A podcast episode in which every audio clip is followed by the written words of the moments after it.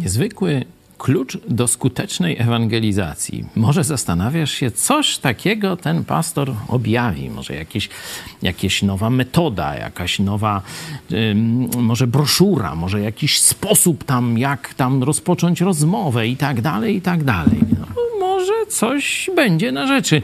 Najpierw test. Przeczytam wam przykład ewangelizacji e, z takim pytaniem, e, od czego zaczęła się ta ewangelizacja?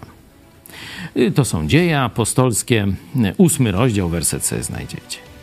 A gdy Filip podbiegł, usłyszał, jak tamten czytał proroka Izajasza i rzekł: Czy rozumiesz to, co czytasz?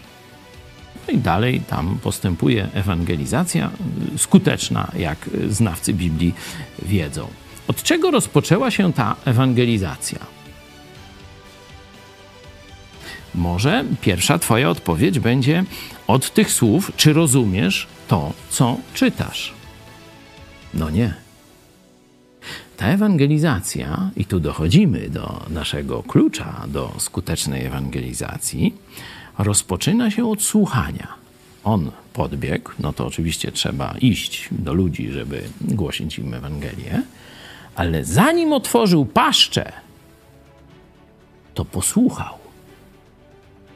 Zajrzał do fejsika, popatrzył w co ubrany, jaką książkę czyta, jaką gazetę być może, o czym tam rozmawia, jeśli przez telefon gada głośno i tak dalej. Zobaczcie, on najpierw starał się troszeczkę przynajmniej poznać tego człowieka. Posłuchał, kim on jest i czym się aktualnie zajmuje.